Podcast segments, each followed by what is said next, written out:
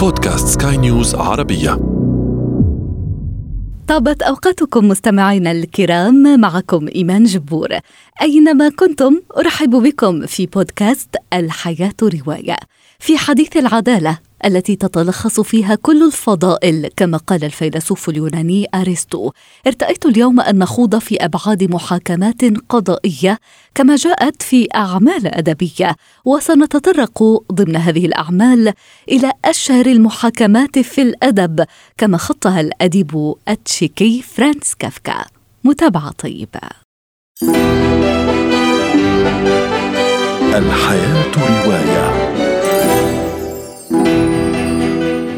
ضميرنا قاض لا يخطئ حتى نغتاله نهائيا بتعبير الكاتب الفرنسي اونوري دو بالزاك فماذا عن ضمير القضاء نفسه نتحدث اليوم عن أشهر محاكمات الأدب you think of anything else except your trial?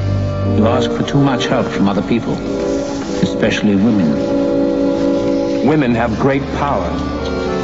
And this court is obsessed by women. رواية أم وصف دقيق لكابوس المحاكمة للكاتب التشيكي فرانس كافكا.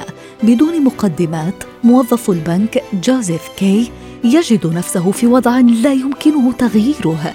يجري توقيفه دون ذكر طبيعة الاتهام الموجه إليه ويصير في صميم كل ما يحدث.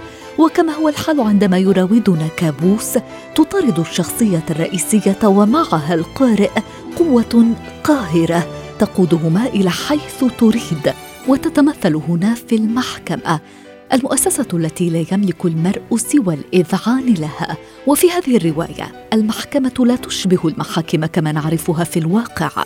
تدخلنا الرواية لما يشبه عالما من البعد الرابع يصبح الوضع مقلقا مرعبا غير عقلاني تماما. في البداية قد يشعر القارئ بالإحباط لعدم معرفته للتهم ثم ينتهي به الأمر بنسيان سبب الاعتقال واتباع أطوار التحقيق الذي يجريه جوزيف ليثبت براءته.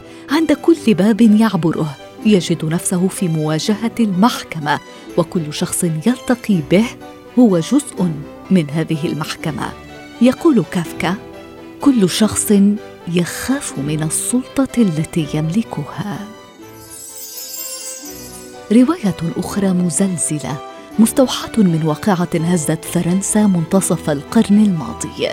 Je vous écris dans le noir. ويمكن أن نترجمها ب أكتب إليكم في الظلام للكاتب الفرنسي جان لوك سيغل بولين دوبويسون طالبة طب تجد نفسها خلف القضبان في بدلة السجينة عوض وزرة الطبيبة. بولين قتلت خطيبها السابق فصارت المرأة الوحيدة التي يطالب الإدعاء العام في فرنسا بإعدامها. وقائع القضية تصدرت أخبار الصحف وقتها ويعرفها معظم الفرنسيين جيدا. لكن كاتب هذه الرواية أراد تقديم القصة من وجهة النظر الأخرى يعطي الكلمة لبولين ويكتب بضمير المتكلم. يكتب بلغة شاعرية وواقعية وتفسيرية في آن. يوازن بين المسكوت عنه والمبالغ فيه. لا يبحث عن تبرير الجريمة لكن عن شرح الخلفيات والحيثيات لأن المجرمين ليسوا دائما كما نعتقد. عقوبة الإعدام في جريمة عاطفية ولا أحد يتحرك أو يهب لإنجاد المتهمة حتى سيمون دو بوفوار التي كانت تمثل وقتها التيار الفلسفي النسوي في فرنسا اعتبرتها مثالا جيدا لامرأة دمرت حياتها بسبب الرجال We have some bad news on the case. The print we lifted from the victim is from your son. There's got to be an explanation. They go to the same school. Jacob's in his class. Yes, we know that. جثة هامدة من وقع طعنات السكين على هذه الهيئة يعثر على مراهق في حديقة صباح يوم ربيعي في نيوتن ماساتشوستس الأمريكية يعهد بالقضية إلى أندرو باربر وهو مدع عام يحظى بسمعة طيبة بفضل خبرته ونزاهته لكن عندما يصير ابنه مشتبها به تنقلب حياة أندي وأسرته ويصير المدعي العام الذي يقود التحقيق هو نفسه الوالد القلق على مصير ابنه واحد يبحث عن الحقيقة والآخر آخر متخوف منها. رواية ديفاندين جايكوب للكاتب الأمريكي ويليام لاندي سرد ماكيافيلي.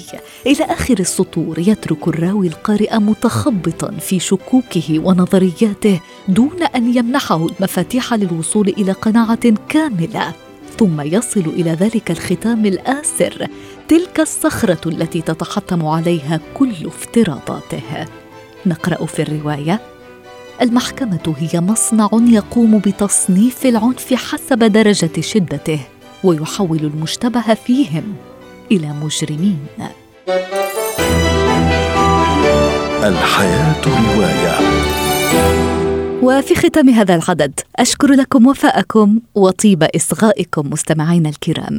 بإمكانكم تحميل هذا البودكاست عبر منصات أبل وجوجل وغيرها حيث بإمكانكم أيضا ترك آرائكم وتعليقاتكم ومقترحاتكم.